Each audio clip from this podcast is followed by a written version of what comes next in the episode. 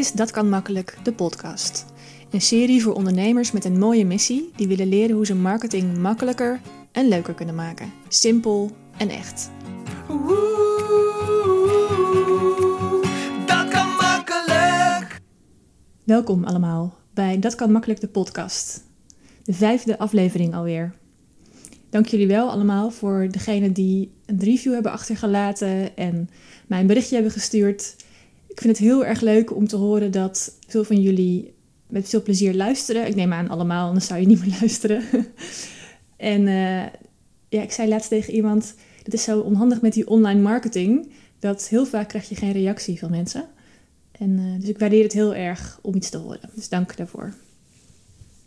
Vandaag een thema wat eigenlijk vrijwel met iedere coach, ondernemer, idealist, wereldverbeteraar, masseur, iedereen van jullie die met mij werkt, een thema wat altijd terugkomt.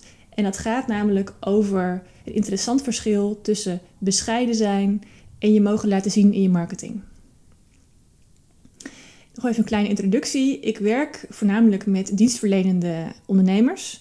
Ondernemers die een, ja, een groot idealisme hebben, die een sterke visie hebben, die iets in de wereld willen zetten waar ze heel erg in geloven. Het kan gaan over gezondheid, het kan gaan over mindfulness of coaching, over jezelf ontdekken, over jezelf laten zien, of lekker in je lichaam komen te zitten. Dus het zijn mensen uit de creatieve hoek, soms ook uit de zelfbewustzijn, spirituele hoek. Maar het zijn allemaal mensen die, die voelen, ah ja, ik heb iets te geven. Er zit een soort urgentie achter. Het is, ook verbonden aan een eigen persoonlijke verhaal vaak. En wat er dan gebeurt is dat zij, als zij werken met hun klanten, dan genieten ze daar enorm van. Dan zien ze de, het verschil wat ze maken. Ze zien hoe hun klanten zich ontwikkelen, eh, waar hun klanten toe in staat zijn. Daar gaat ook mijn, volgens mij mijn derde aflevering over, wat je mogelijk maakt voor je klant. Dat, dat voelt vaak heel voedend voor deze, deze klanten van mij. Vaak is het ook iets wat ze hebben ontdekt zelf in hun leven, hoe krachtig datgene is wat zij zelf nu bieden. En waarvan ze dan voelen, ja, weet je, als ik dat zelf eerder geweten had, dan zou mijn leven er heel anders uit hebben gezien. Of wauw, het idee wat ik nu heb is echt zo'n goed idee. Daar kan ik zo'n soort versneller mee zijn voor anderen.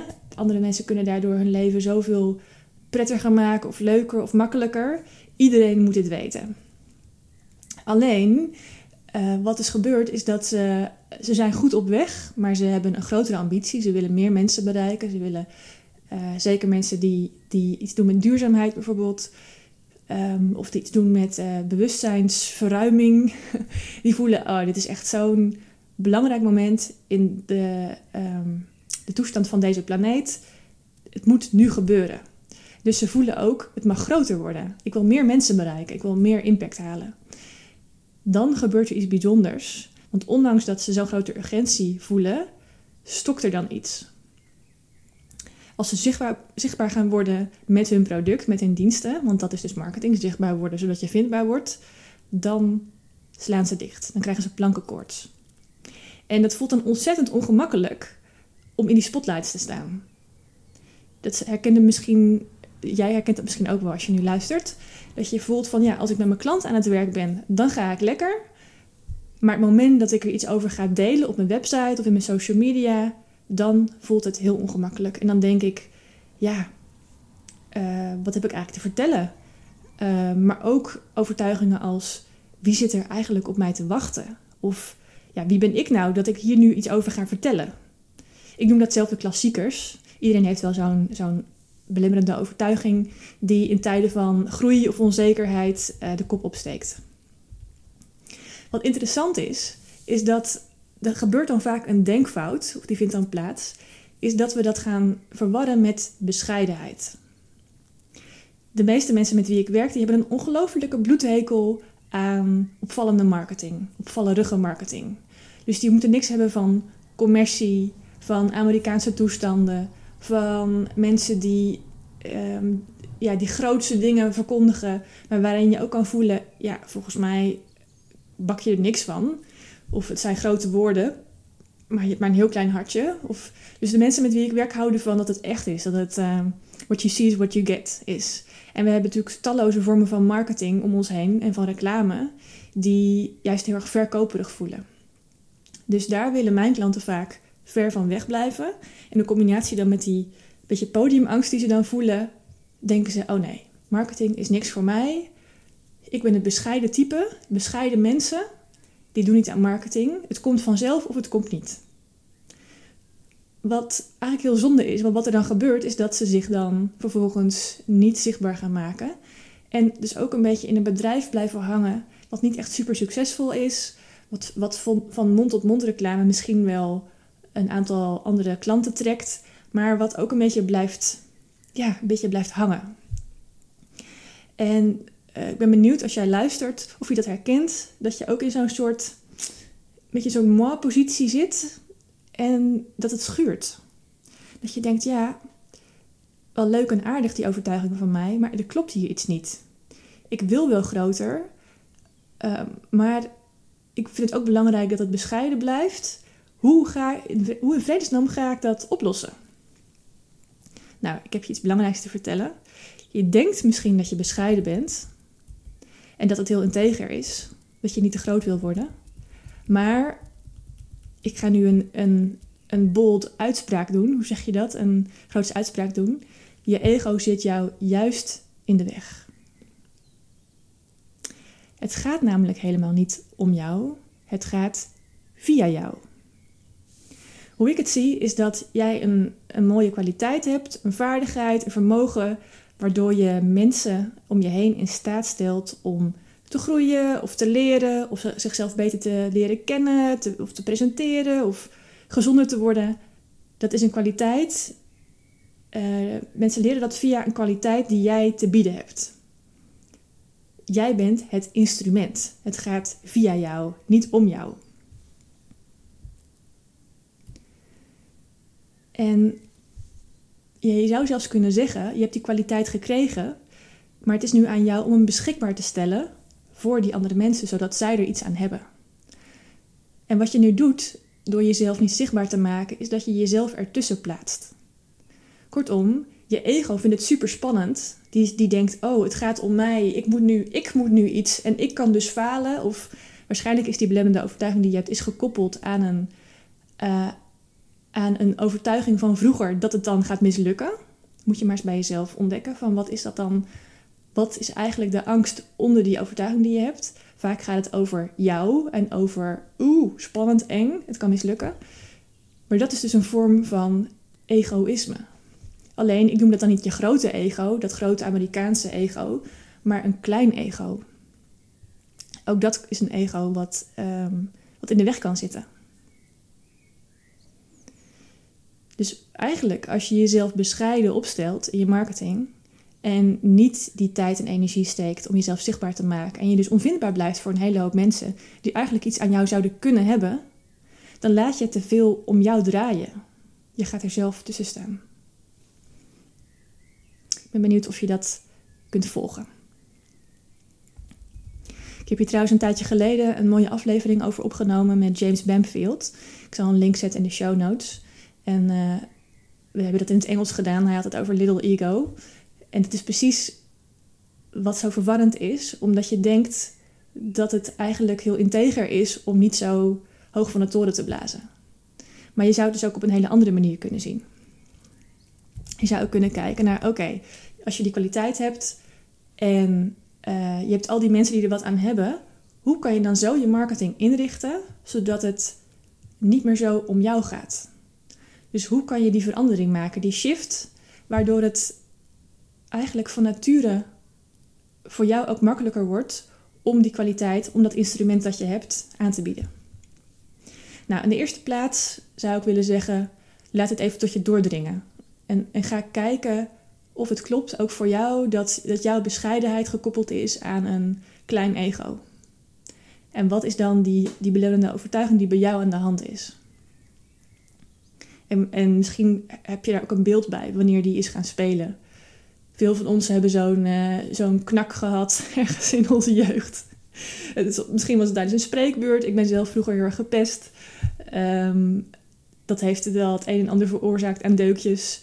Um, weet ik veel wat, misschien zijn je ouders gescheiden. Um, ben je ooit heel erg uitgelachen? misschien zeiden je ouders altijd: doe maar normaal, dan, ehm, dan doe je gek genoeg. En heb je heel vaak de deksel op je neus gekregen als je, als je met een mooi bijzonder idee kwam. Vaak heeft het wel te maken met zo'n persoonlijk verhaal. Of soms een cultuur. Dus het gezin waar je uitkomt, of de school waar je bent opgegroeid, of de buurt waarin het heel normaal was om iedereen die zich uitsprak en iets anders zei dan de rest, om die um, even flink op zijn plek te zetten. Als je dat herkent, laat dan eerst even binnenkomen. Oh ja, wacht. Ik ben niet bescheiden, ik ben gewoon bang. Het is een variant van bang, eigenlijk. Een variant van plankenkoorts hebben. Um, wat je dan zou kunnen doen, is dat je jezelf eerst eens de open vraag kan stellen. Want hoe kan ik mijn kwaliteit, de kwaliteit, het instrument wat ik ben, of het instrument wat ik heb, misschien is dat nog makkelijker. Hoe kan ik mijn kwaliteit zichtbaar en vindbaar maken voor die mensen om me heen die daar heel veel aan kunnen hebben, op een manier die, die voor mij niet zo triggerend is, die mijn kleine ego niet uh, angstig maakt. Dus misschien zijn er wel manieren te vinden die je zo zelf, ja, die je zo zelf on the top of your mind nu kan vinden, die, uh, die jou meer aantrekken dan anderen. In mijn geval bijvoorbeeld heb ik. Um, even goed nadenken. Nou ja, op dit moment vind ik het niet zo heel erg fijn om video's op te nemen.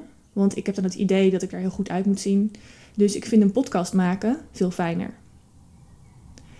Um, dan uh, zie ik mezelf ook niet terug. Dan kan ik gewoon lekker praten. Ik vind dat fijn. Dus daardoor wordt mijn ego niet zo getriggerd. Een ego kan trouwens ook. Uh, perfectionisme is trouwens ook zo'n leuke variant van dat ego wat dan er tussendoor komt. Om je maar te, te helpen voorkomen te, om te falen. En als ik een podcast opneem, dan ben ik veel minder perfectionistisch dan als ik een video opneem, bijvoorbeeld. Dus daar kan je eens over nadenken. Van welke manieren vind ik eigenlijk relaxter dan andere manieren. Het kan ook helpen uh, om je kwaliteit of je talent letterlijk te zien als iets onpersoonlijks. Iets wat je met je meedraagt. Dus jij bent de drager en jij bent niet wat je doet, maar je hebt het. Um, ik, uh, ik moest laatst ook denken aan wat in mijn geval goed werkt, is dat ik, um, ik ben er enorme fan van om andere mensen aan te prijzen. Dus ik vind het veel makkelijker om andere mensen een compliment te maken dan mezelf. En om het talent in andere mensen te zien dan in mezelf. Dus als ik een uh, vriendin heb die ergens goed in is, dan, en ik zie mensen om me heen die haar hulp nodig hebben, dan zal ik heel snel tegen hen zeggen: hey, ik ken nog iemand, zij is heel goed en zij heeft uh, um, ja, goede resultaten gehaald, neem eens contact op met haar. Dus het is eigenlijk gek, of het is misschien niet gek, maar um, ik vind het wel een leuke metafoor om te voelen: oh ja, bij iemand anders doe ik dat dus heel snel. En bij mezelf niet zo, niet zo snel. Maar als ik mijn eigen talent of kwaliteit nou ook iets zie als iets wat niet van mij is, maar iets wat, wat ik met me meedraag, dan kan ik misschien datgene wat ik draag ook beter ja, presenteren. Als iets van hé, hey, uh, ik heb gezien, ik heb gemerkt dat dit echt veel effect kan hebben. Probeer het eens. En tot slot, het is heel erg fijn om een supporter te vinden. Iemand die uh, ja, die je herinnert aan het talent wat je in huis hebt en de mogelijkheden die jij daarmee kan bereiken in je, in je bedrijf. En ik ben iemand die heel graag die supporter is. Dat ben ik voor mijn klanten. Um, wat daar een groot voordeel van is, is dat ik, um, omdat ik jouw talenten zie en jouw kwaliteit zie en reflecteer, dat ze eigenlijk objectiever worden. Dus we zetten ze letterlijk op papier. Uh, en daarmee is het niet alleen maar een idee dat je hebt of een gevoel dat je hebt als je met je klanten samenwerkt. Maar je zult zien dat je, ja, als je het zo opschrijft, en we hebben daar, ik heb daar een hele methode voor, dat, het, dat je er zelf veel makkelijker in gaat geloven. Het is ook niet iets wat je zelf bedenkt, maar het staat dan zwart op wit. Um, ja, en door die methode die ik heb, wordt het heel concreet. Concreet en objectief. Waardoor je het eigenlijk ook kan vastpakken en kan zeggen: Wauw, dit is eigenlijk niet te missen. Dit is niet te missen. Dit, ja, hier moet ik iets mee. Hier wil ik iets mee. En dan gaan we dat bouwwerk bouwen waarop je op een natuurlijke manier jouw kanaal gaat vinden en de boodschappen die passen bij dat talent, zodat je gaat delen vanuit de liefde voor je vak. En niet vanuit, oh, ik moet het nu verkopen. Dat is trouwens ook nog een heel belangrijk verschil. Ik heb het vorige keer volgens mij ook al gezegd. Uh, marketing doen is niet hetzelfde als iets verkopen. Marketing is niet hetzelfde als sales. Marketing is laten zien wat je in huis hebt. Dat is niet hetzelfde als een verkoopgesprek. Het kan natuurlijk opvolgen, maar het mag je helemaal loslaten. Je mag loslaten dat je het gaat verkopen. Je mag gewoon delen vanuit, kijk eens, wauw, dit heb ik voor, dit heb ik in huis en dat sluit aan bij jou als je dit probleem hebt.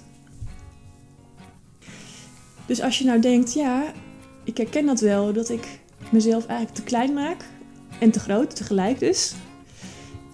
En ik zou het graag veel liever willen, willen hebben over het talent dat ik heb of over het instrument dat ik heb. En hoe ik dat instrument zichtbaar kan maken en meer kan inzetten. Neem dan eens contact met me op. Dan uh, doen we een geheel vrijblijvende intake. En dan kijk ik met je mee wat jij in je bedrijf doet. En ik zal je dan meteen een aantal ideeën geven. Ik ben ook iemand die heel eerlijk is over of ik het voor me zie dat jij meer mensen kan bereiken. En of ik daar degene voor ben die je daarbij kan helpen. En dan uh, wie weet wat er dan mogelijk is in onze samenwerking. Ik doe dat trouwens via de Lekker Echte Content Duik. Ik zal een link zetten in de show notes. Dat is het programma. Dat is zeg maar mijn mijn vlaggenschip-programma. waar we gaan van jouw talent naar lekker echte content. Nou, lieve mensen, dit was het meer voor deze week. Ik uh, wens jullie veel succes met het ontdekken van je eigen kleine ego. Ook deze keer vind ik het leuk om jullie te vragen om, uh, als je hebt genoten van deze podcast, om in um, Apple Podcast, is dat in ieder geval zo, um, sterren achter te laten. En misschien even een regeltje erbij te schrijven. Dat helpt mij om uh, meer gevonden te worden en zodat mijn instrument ook meer van nut is. Dankjewel daarvoor. En uh, je kan me ook altijd even een mailtje sturen of een appje sturen als je mijn telefoonnummer hebt. Als je feedback hebt. Ik ben heel benieuwd. Dank jullie wel en tot over twee weken weer. Doeg!